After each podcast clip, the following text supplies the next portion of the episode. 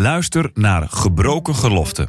Een podcast van het Nederlands Dagblad over scheiden in christelijk Nederland. In deze podcastserie gaat journalist Daniel Gillissen vanuit zijn eigen ervaring in gesprek met experts en ervaringsdeskundigen, zodat jij begrijpt wat scheiden betekent en om scheiden onder christenen beter bespreekbaar te maken. Luister naar Gebroken Geloften in je favoriete podcast-app.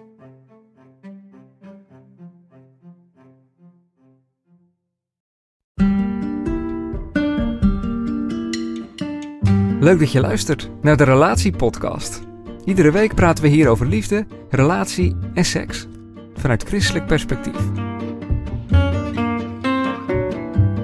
Welkom.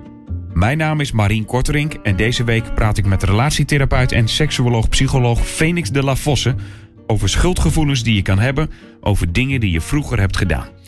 Phoenix, goed dat je er bent. Dankjewel. Wat speelt er eh, in deze casus? Nou, in deze casus gaat het over een uh, getrouwde vrouw van middelbare leeftijd die tijdens haar puberteit seksueel actief is geweest met een ander meisje van haar leeftijd. En het feit dat ze dat gedaan heeft, blijft aan haar knagen. Dat kan ze maar niet loslaten. Ze blijft af en toe terugdenken aan in mijn puberteit. Ik ben nu getrouwd, uh, ik heb gewoon een, een gezin. Ja. Maar ik denk terug aan van, hé, hey, uh, ja, hoe, wat was dat destijds? Ja, wat was het destijds? En stel je nou voor dat ik haar nog een keer tegenkom, wat dan? En uh, dus ze kijkt regelmatig over de schouder of ja, word ik herkend? wat als ze voor me staat? Ze vindt het heel lastig en soms is het weg, maar soms komt het gevoel weer terug en nu is het ook weer teruggekomen. Ja. Hoor je dit vaker? Ik hoor dit zeker vaker, ja. En, en wat is het dan precies? Want ik, ik las die column en ik, je hoort haar verhaal en je denkt... Ja, wat is precies, waar worstel je precies mee inderdaad? Is het inderdaad het angst voor het tegenkomen? Is het dat je bang bent dat je misschien toch die gevoelens weer hebt? Of wat, komt hierbij kijken? Het kan, van, het kan van alles zijn. En in dit geval is het... Uh, uh, ja, waar, wat ze gewoon erg lastig vindt is... Uh, hoe kan ik die gevoelens verklaren? Want zij heeft dat met dat meisje gehad. Het meisje is actief geweest in de zin dat dat meisje begonnen is. Maar zij heeft daar echt heel actief in meegedaan. Verschillende jaren. En dat Was op een zomerkamp, hè? Op een zomerkamp, Iedere ja. zomer gebe ja, precies. gebeurde dat dan weer. En ik schrijf ook van... ja, ze had daar helemaal geen ervaring mee... maar waarschijnlijk heeft het meisje dat niet eens gemerkt. Dus zo actief was ze erin. En zo reageerde ze ook op alles wat ze deden. Uh, seksueel. Dus ze vraagt zich ook af van wat is dat? Uh, hoe, hoe, moet ik dit begrijpen? Ben ik misschien lesbisch? Uh, wat, wat is het geweest? Ze, ze snapt het niet en ze Nee. worstelt ermee. Yes, dat is misschien een goeie dat je dat zo zegt. Ze snapt het eigenlijk niet. En, dat je dus dan, dan, en als je dingen dus niet snapt vanuit je verleden, blijkbaar kan je dat dan dus echt jarenlang meenemen. En dan blijft die vraag altijd maar een beetje sudderen. Uh, ja, want het is ook voor haar een beladen onderwerp. Het is niet zomaar een onderwerp wat ze met een vriendin of weet ik veel waar bespreekt. Daar is het nog gaat te over veel taboe, seksuele of- gevoelens. Het ja. gaat over al dan niet uh, lesbische gevoelens. Uh, dus ook van hoe kijkt ze daar tegenaan? Dat, dat, dat doet natuurlijk ook een heleboel in, in dit uh, verhaal. Uh, dus ze is daar helemaal niet open over en durft daar niet over open te zijn. Dus Ja. er misschien ook zelf nog niet uit wat ze daarvan vindt. En, en wat, wat- als je dan met zo iemand praat, hoe kijk je daar dan naar als, als, als therapeut? Wa- Wat geef je dan mee? Nou, ik wil dan vooral met haar achterhalen waar ze nou precies last van heeft. En wat heeft nou die last nu getriggerd? Want het is heel lang geleden geweest. En toch blijft ze er last van hebben. En ze vertelt ook, mijn, mijn partner weet ervan. Ik heb het hem ook opgebiecht. En hij zei van, nou, uh, joh, uh, mis je dat? Nee, dat miste ze niet. Nou, en hij had zoiets van, wij zijn nu toch samen, dus uh, niks aan de hand hoor. Hij denkt gewoon, jij hebt dat een keer geprobeerd. Je bent erachter gekomen, nou, het is uiteindelijk ja, niet voor mij. uh, ja, ja. Je, nou, als je uh, dat met die vrouw niet mist, of met dat meisje niet mist. Wij hebben nu toch een relatie, wij zijn nu toch een stel. Hè? Ze is met hem getrouwd. Uh, want in het verhaal is het zo dat het derde kamp komt ze dan niet. Dat het meisje dat wel heeft gevraagd. Want ze heeft Zo van, kom deze, je deze zomer weer? Kom je Ja. deze zomer weer. En ze weet wat dat betekent. Dan gaat het weer gebeuren. gaat het weer gebeuren. Maar ze heeft een jongen ontmoet en uiteindelijk is ze ook met die jongen getrouwd en heeft ze daar ook kinderen van. En dan, uh, dat is dus de man die zegt van, uh, joh, uh, niks aan de hand hoor wat mij betreft. Ja. Zand erover. En zij worstelt daar nog mee. Je Ja. denkt dan misschien gevoelsmatig, als je niet zo bekend bent met de materie en je hoort zoiets van, ja, ze zal misschien wel gewoon eigenlijk lesbische gevoelens hebben. Maar dat is heel vaak niet zo, hè? Dat in hoeft, dit soort dat hoeft helemaal niet. Dat hoeft helemaal niet. Nee. Het is meer haar verwarring dat ze haar eigen gedrag niet snapt. Dat het uh, zo uh, uh, tegen haar normen en waarden in is gegaan. En toch heeft ze het gedaan en toch vond ze het fijn. En hoe is dat nou? En uh, ik probeerde het te halen waar het door getriggerd wordt. En het is dan in dit geval, in dit verhaal, uh, de verhalen van andere moeders over hun kinderen op kamp. En dat de moeder heeft verteld dat haar dochter heimwee had en het daar niet fijn had. En dat, dat haalt eigenlijk haar oude herinnering weer open, zou je kunnen zeggen. Ja, want zij heeft nu zelf met haar man dus ook kinderen in die fase. En dan komt het in die zin weer te sprake omdat uh, kinderen van uh, al dan niet je eigen kinderen of andere kinderen gaan naar zo'n kamp. En, en dan wordt er niet verteld. fijn. Ja, ja, en dan ga je denken, hoe wat ik dat? Hoezo, hoezo niet fijn? wat is, is er dan iets? Wat, wat zou daar zijn? En dan, dan begint ze te malen. Ja, en, en wat had ze het nou fijn op dat kamp of juist niet? Nou, dat probeer ik dan ook in een gesprek te achterhalen. Of in gesprekken te achterhalen. Hoe was het dan op zo'n kamp? En kan ze voor zichzelf ook snappen waardoor ze misschien extra uh, kwetsbaar was daarvoor. Of extra uh, uh, gemak had om erin mee te gaan. Want ja, op dat moment is ze natuurlijk ook puber. Ze is aan het, aan het experimenteren. In de puberteit krijg je last van heel veel hormonen waar je daarvoor helemaal geen last hebt. Dus je bent ook aan het zoeken. wie wil ik zijn? Wie ben ik? Wie moet ik zijn? er komen seksuele gevoelens. en je wil erbij horen dat, dat speelt natuurlijk ook altijd in een kamp ja. met, met jongeren. Je wilde er graag bij horen. En uh, dit meisje, ja, dat, uh, dat reikte uit naar haar. En ze hoorde erbij. En dat in combinatie met wat er allemaal in je lichaam gebeurt als je puber bent, kan natuurlijk maken dat je aan het experimenteren slaat. En dat je van alles gaat onderzoeken. En ja, dat het lichaam reageert. Het is ja. een, een jong gezond lichaam, het reageert. Is het, is het ook zo dat dit, dit, dit soort verhalen uh, vaak te maken hebben ook met de puberteit? Omdat dat misschien echt een fase is van ontdekken, dingen proberen, ja, experimenteren. Dat dat echt bij die uh, fase van puberteit ook hoort? Uh, nog meer. Er is ook een, een, een fase die veel vroeger is. waarin ook veel jongere kinderen experimenteren met seksueel gedrag. En wat is dat nou, jonge meisje? Wat is dat nou, een plassertje of geen plassertje? Uh, het is heel belangrijk als je als, dat je als ouders daar dat er goed in begeleidt. Dus daar niet heel krampachtig in gaat doen. En dat je uh, jongere kinderen ook al uitlegt, het moet wel met wederzijds goed vinden zijn. Hè? wensen en grenzen. Dat, dat is al dat is iets naar mijn idee wat je, waar je niet vroeg genoeg mee kan beginnen. Ja, maar in de puberteit ga je dat echt zelf meer. Helemaal, ja. En in de puberteit, in de, in de gezonde ontwikkeling, zeg maar, uh, gaan jongeren zich ook afzetten van thuis. Dus vaders en moeders, opvoeders zijn stom. En daar ga je niet meer alles aan vertellen. Dat wil je niet allemaal vertellen. Dat, dan is zoiets ook spannend. En, is en het is geheim, het mag misschien niet. Precies, je zoekt de, de peergroup op en daar wil je bij horen. En uh, daar zoek je het liefst een vertrouweling. Uh, uh, ja, dat, dat, is die, dat is je groep. En niet meer zo gauw vader of moeder, opvoeder aan wie het vertelt. Toen ik die column las, dacht ik van wat hier, wat hier breder natuurlijk ook speelt, is van dat je dat wat heel veel mensen misschien wel eens meemaken, dat je nadenkt over wat je vroeger hebt gedaan. En hoe je dat dan een plek moet geven in, in, in nou, een relatie die je nu hebt of in je leven nu. Ja, ik denk dat uh, ja, van, van alles neem je natuurlijk mee in je relatie. Je, je, je hele opvoeding neem je mee in je relatie. Want zoals je thuis had, wil je het juist ook of juist niet. Of uh, ben je gewend en dat is normaal. Maar die ander heeft dat ook. Dus je moet, je moet gewoon ook samen natuurlijk kijken van hoe ziet ons huis eruit? Wat worden de regels van ons huis, van ons gezin? Uh, en ervaringen die je het positieve en negatieve in andere relaties, die neem je mee. Aan ja. verwachtingen, aan wensen, maar ook aan, aan taboes of aan uh, tegenzin of uh, grenzen. Want ik moet ook direct denken, hoe geef je nou. kijk, zij is ook bang dat ze die vrouw waarmee ze dat dan in die, in die zomers heeft meegemaakt, nog tegenkomt. heel veel mensen hebben misschien wel een relatie gehad met iemand uit hun dorp, uit hun stad of uit hun buurt. Uh, ja, dat kan altijd ongemakkelijk zijn als je een, een ex tegenkomt terwijl je met een nieuw iemand bent. Ja. Hoe ga je daar nou op een gezonde manier mee om? Nou, ik, ik denk, uh, als je elkaar leert kennen, uh, vertel in, in, in grote lijnen wel wat er is geweest. maar ga niet in detail. Ga, wees ook vooral niet nieuwsgierig naar allerlei details. Wat je, je partner vroeger heeft gedaan. Want als je te veel details weet dan ga je er filmpjes van maken in je hoofd. Dan denk je, oh, ik ga nooit met hem of met haar naar dat restaurant. Of naar die stad. Of, uh, of zo wil ik niet uh, vrijen. Want dat is vroeger altijd gedaan.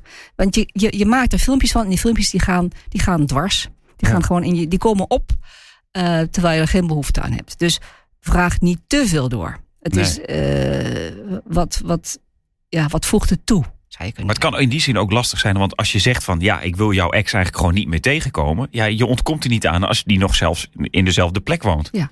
En, Nou- en kan, is, dat, is dat een valide als iemand zegt van ja, ik kan daar gewoon niet mee omgaan dat jouw ex hier ook nog rondloopt? Want dan denk ik, ja, jullie hebben samen in deze stad, hè, bij wijze van spreken, Ja, van alles ja. gedaan. Ja. Maar als je partner iets zegt wat je lastig vindt, niet begrijpt, en dat hoort erbij, omdat je nou eenmaal verschillend bent, vraag door van hoezo?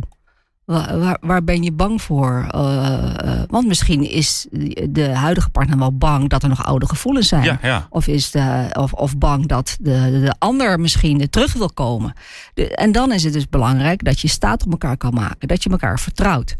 Dus uh, ik, ik leg het bij stellen altijd uit. Uh, de basis van vertrouwen is ja, is ja en nee is nee. Uh, al, en ik leg het dan als, als, als, als, als voorbeeldje uit van als je partner soep voor je maakt en vraagt van vind je het lekker? Zeg dan eerlijk of je het lekker vindt of niet. Want als je zegt van ja hoor, hartstikke lekker. Terwijl je denkt, nou, dit is bremzout, ik vind het helemaal niks. Dan krijg je de volgende dag misschien alweer die soep. Dus wees nou eerlijk, het is misschien niet zo vriendelijk of zo lief. Maar het hangt natuurlijk af vanaf hoe je het zegt. Maar Ja, het, is ja. wel, het is wel transparant. Het, is Het had iets is. minder zout gemogen. Het had iets minder zout gemogen. Ja. Minder zout vind ik lekkerder. Ja, ja, ja. Weet je, maar, maar zeg het wel. Want dan weet je wat je aan elkaar hebt. Dus als je partner bang is dat je nog gevoelens hebt voor, je, voor de ex. Uh, uh, uh, en, dat, en dat is niet zo. Die, die moet erop kunnen vertrouwen dat het niet zo is. Maar dat het misschien wel is dat je het lastig zou vinden om je tegen te komen. Betekent niet dat je er gevoelens voor hebt, maar dat je het lastig vindt. Of dat je het lastig vindt voor hem of voor haar om die ander tegen te komen. Ongemakkelijk. En dat dat ongemakkelijk zijn niet betekent ik heb nog gevoelens, maar betekent van oh, ik weet niet wat jij er nou van vindt. Ik weet niet of dat prettig is voor jou. Dus vraag veel meer door. Durf veel meer door te vragen. Als je dus in een relatie is tegenkomt waarvan je denkt, dit vind ik lastig. Geen stap naar achteren doen, maar een stap naar voren. Je, En dat is even moeilijk dan op dat ja, moment natuurlijk. Want, maar, maar het gaat om, ik wil me verbinden met jou. Ik wil jou snappen. Uh, hierin ben jij misschien heel anders dan ik. Maar leg uit, hoe dan? Uh, dus vraag vooral en vertel ook hoe het bij jezelf zit. Van je bent nu eenmaal niet hetzelfde en zal je nooit worden ook. Dus uh, ik, ik denk, uh, je, je blijft elkaar verrassen, want je blijft anders. Dus, maar vraag veel meer door van hoezo vind je dat lastig? Waar ben je dan bang voor? Kan ik iets doen? Dus niet al van tevoren allerlei dingen doen. Hè, dingen fixen, nee, dat is de, de grote valkuil. Ik weet wat jij wil, ik weet wat nodig is, ik ga het doen. Nee, vraag wat de ander wil. Ja, en dan voelt hij zich ook gehoord en heb je niet ja. op eigen initiatief dingen Precies. gedaan die eigenlijk toch niet goed vallen, Precies. et cetera, ja. et cetera. Ja. ja. Uh, dat is één aspect wat ik hier hoor. En zij zegt ook die schuldgevoelens. Ja. Uh, het gaat ook over schuldgevoelens die zij nog heeft over die fase. Dat is ook iets wat je meeneemt uit het verleden, als we het dan toch over het verleden hebben. Hoe, hoe geef je dat een goede plek? Nou, bij schuldgevoelens is het natuurlijk van, uh, heeft, zij, heeft zij misschien, ze voelt zich schuldig naar, naar wat, naar wie? Hè? Dus dat is belangrijk voor zichzelf, om helder te krijgen, waar voel ik me schuldig over en naar wie voel ik me schuldig? Dus mijn vragen zou vooral daarover gaan. Zonder oordeel, maar gewoon weten van hoezo schuldig? Wat heb je dan gedaan? Waar ben je dan bang voor? Wat heb je dan misschien voor je gevoel beschadigd? Of wat heb, waarin heb je dan voor je gevoel teleurgesteld? En waar ben je dan, uh, wat denk je dan wat er zou gebeuren als dat? Weet je, dus dat ik het meer doorvraag. Van dat iemand het echt kan uitvouwen, zijn emotionele gevoel kan uitvouwen, wat het nou precies is wat dwars zit. En blijkt het dan vaak schuldgevoel tegenover anderen te zijn of tegenover jezelf? Uh, nou, in dit geval is het vooral tegenover, tegenover zichzelf omdat ze zichzelf zo uh, teleurstellend vindt daarin.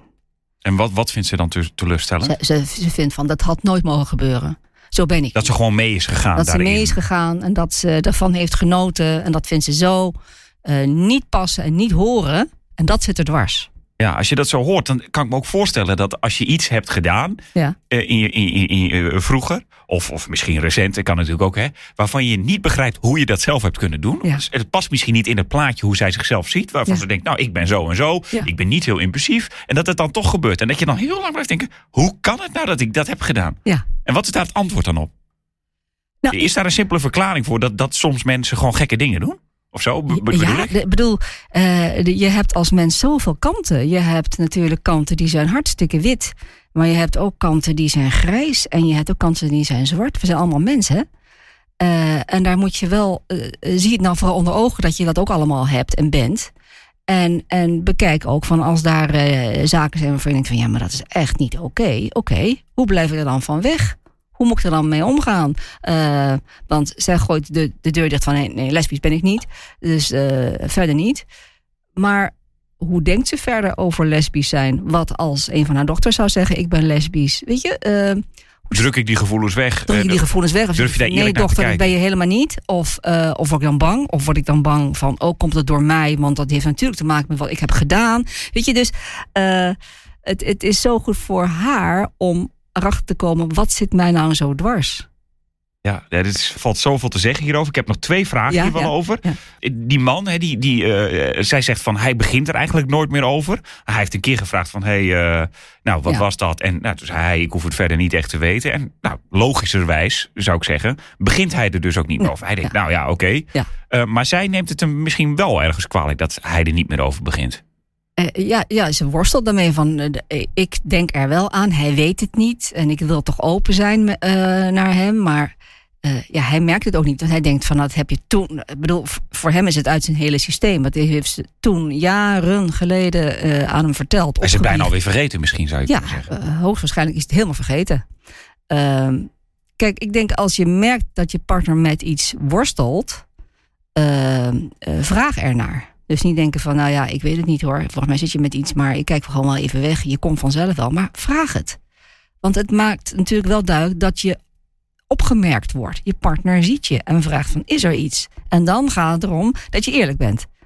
Om te zeggen, nee, er is niks. Dat klopt niet, want er is wel wat. Maar je kan natuurlijk ook zeggen, ja, er is iets, maar het heeft niks met jou te maken. Ik zit over iets te broeden. En, en dan kan hij vragen van, nou, kan ik iets, kan ik je helpen of zo? Je erover praten? Als hij zegt, nee, ik wil er niet over praten, dan is dat het. Weet Ja. je, maar eh, het is denk ik wel belangrijk in een, in een relatie dat je laat merken van, ik zie dat je ergens mee zit. En ook laten merken, dat zij ook laat merken als zij ergens mee zit. Want je wordt niet gezien en je wordt niet gehoord als je het niet laat zien en als je niet laat horen. Ja. Maar wat als zij zegt van ja, inderdaad, eh, hij vraagt van eh, is er iets? En dan zegt zij, nou inderdaad, dit, dit speelt nog steeds. En ik merk dat ik er nog heel erg mee bezig ben. En hij zegt, en toch hoef ik het niet te weten. En dan heb je gewoon botsende belangen, zeg maar. ja. Want zij Weet wil graag vertellen erover, dat hij het ook weet. En, eh, en misschien daar inderdaad nog eens een keer naar vraagt. En Ja. hij zegt van ja, ik hoef dat eigenlijk niet te weten. Hij zou kunnen vragen, wat vind je er dan lastig aan? Dus zonder dat hij weet wat er precies gebeurt, van waarom wil je het mij vertellen dan? Ja, even een beetje meer uitzoomen. ja, een nog. beetje meer Ja. uitzoomen. Waarom wil je het mij vertellen? Waarom, waarom is het voor jou nodig om het aan mij te vertellen? Want misschien is het wel omdat ze zich schuldig voelt. Of omdat ze denkt van, jij moet mij geruststellen dat ik niet lesbisch ben. Of wa- wat heeft ze nou eigenlijk van hem nodig? Ze hoeft niet het detail te vertellen. Ze hoeft niet te vertellen wat er achter de muur zit. Maar ze kan het wel hebben over de muur. Mooi. Eh, als laatste dus nog, want ik had nog twee vragen, had ik gezegd. Eh, die, die puberende kinderen in Ja. deze column. Wat is, wat is de rol daar eigenlijk van? Ik, ik, ik las het en toen dacht ik, ik kan me goed voorstellen dat eh, ja, als, als je ouder bent en je krijgt puberende kinderen, je hebt puberende Ja. kinderen, dat er inderdaad thema's, eh, dat je dingen gaat herkennen van, hè, ook helemaal misschien, eh, ze hebben een keer een vriendje of ze doen Ja. iets doms. Of eh, Ja. dat je denkt, ja, dat heb ik ook gedaan. En dat dus dingen in die fase misschien weer terugkomen die je heel lang ja, geparkeerd had of waar je niet mee bezig was. Ja. Is dat zo? Het kan heel goed. Het, het kan heel goed. En als je daar zorgen over maakt, of als je erover gaat malen, bespreek het met je partner. Van ik zie dit en ik denk dan aan mezelf. En ik vond dat toen ook zo lastig. En misschien vindt onze dochter, onze zoon het ook zo lastig. Hoe, eh, moeten we dat nou aanvliegen of niet? Eh, moeten we, heb het er samen over. Hè? Want het Maar het zijn- kan dus confronterend zijn als je kan dus heel- kinderen ja, hebt in die fase. Zeker. Het kan natuurlijk ook heel confronterend zijn als, als kinderen die eerst heel eh, vriendelijk en lief en, en, en volgzaam zijn geweest. ineens zeggen van, nou, kam de deur dicht, bemoei je er niet mee en wat stom dat je dat wil. En, ja, de- eh, maar, maar heb het erover. Dus als, als, als ik, eh, ik denk als, als pubers op je ziel trappen, heb het er samen over. Hè? Ja. het is dus in die zin ook niet gek dat zij aan het malen slaat door Nee. dat haar kind Ja, naar zo'n kant gaat. En dat je dan terugdenkt aan je eigen ervaringen, ja, et cetera, et cetera. En belangrijk om dus dat te bespreken dan vooral. Dankjewel Phoenix voor deze week. En de column van haar die zet ik in de beschrijving van deze podcastaflevering. Heb je nou ook een vraag over relaties, liefde of seks waar je graag een antwoord op wil? Mail je vraag dan naar podcast.nd.nl. Dan komt hij bij mij binnen en kan ik hem doorsturen naar, eh, naar eh, Phoenix. En dan kunnen we hem hier bespreken als je dat wil. Eh, maar je mag hem ook alleen naar Phoenix sturen. Dan kan zij hem anoniem beantwoorden voor je. En dat mag naar phoenix.nd.nl. Tot volgende week.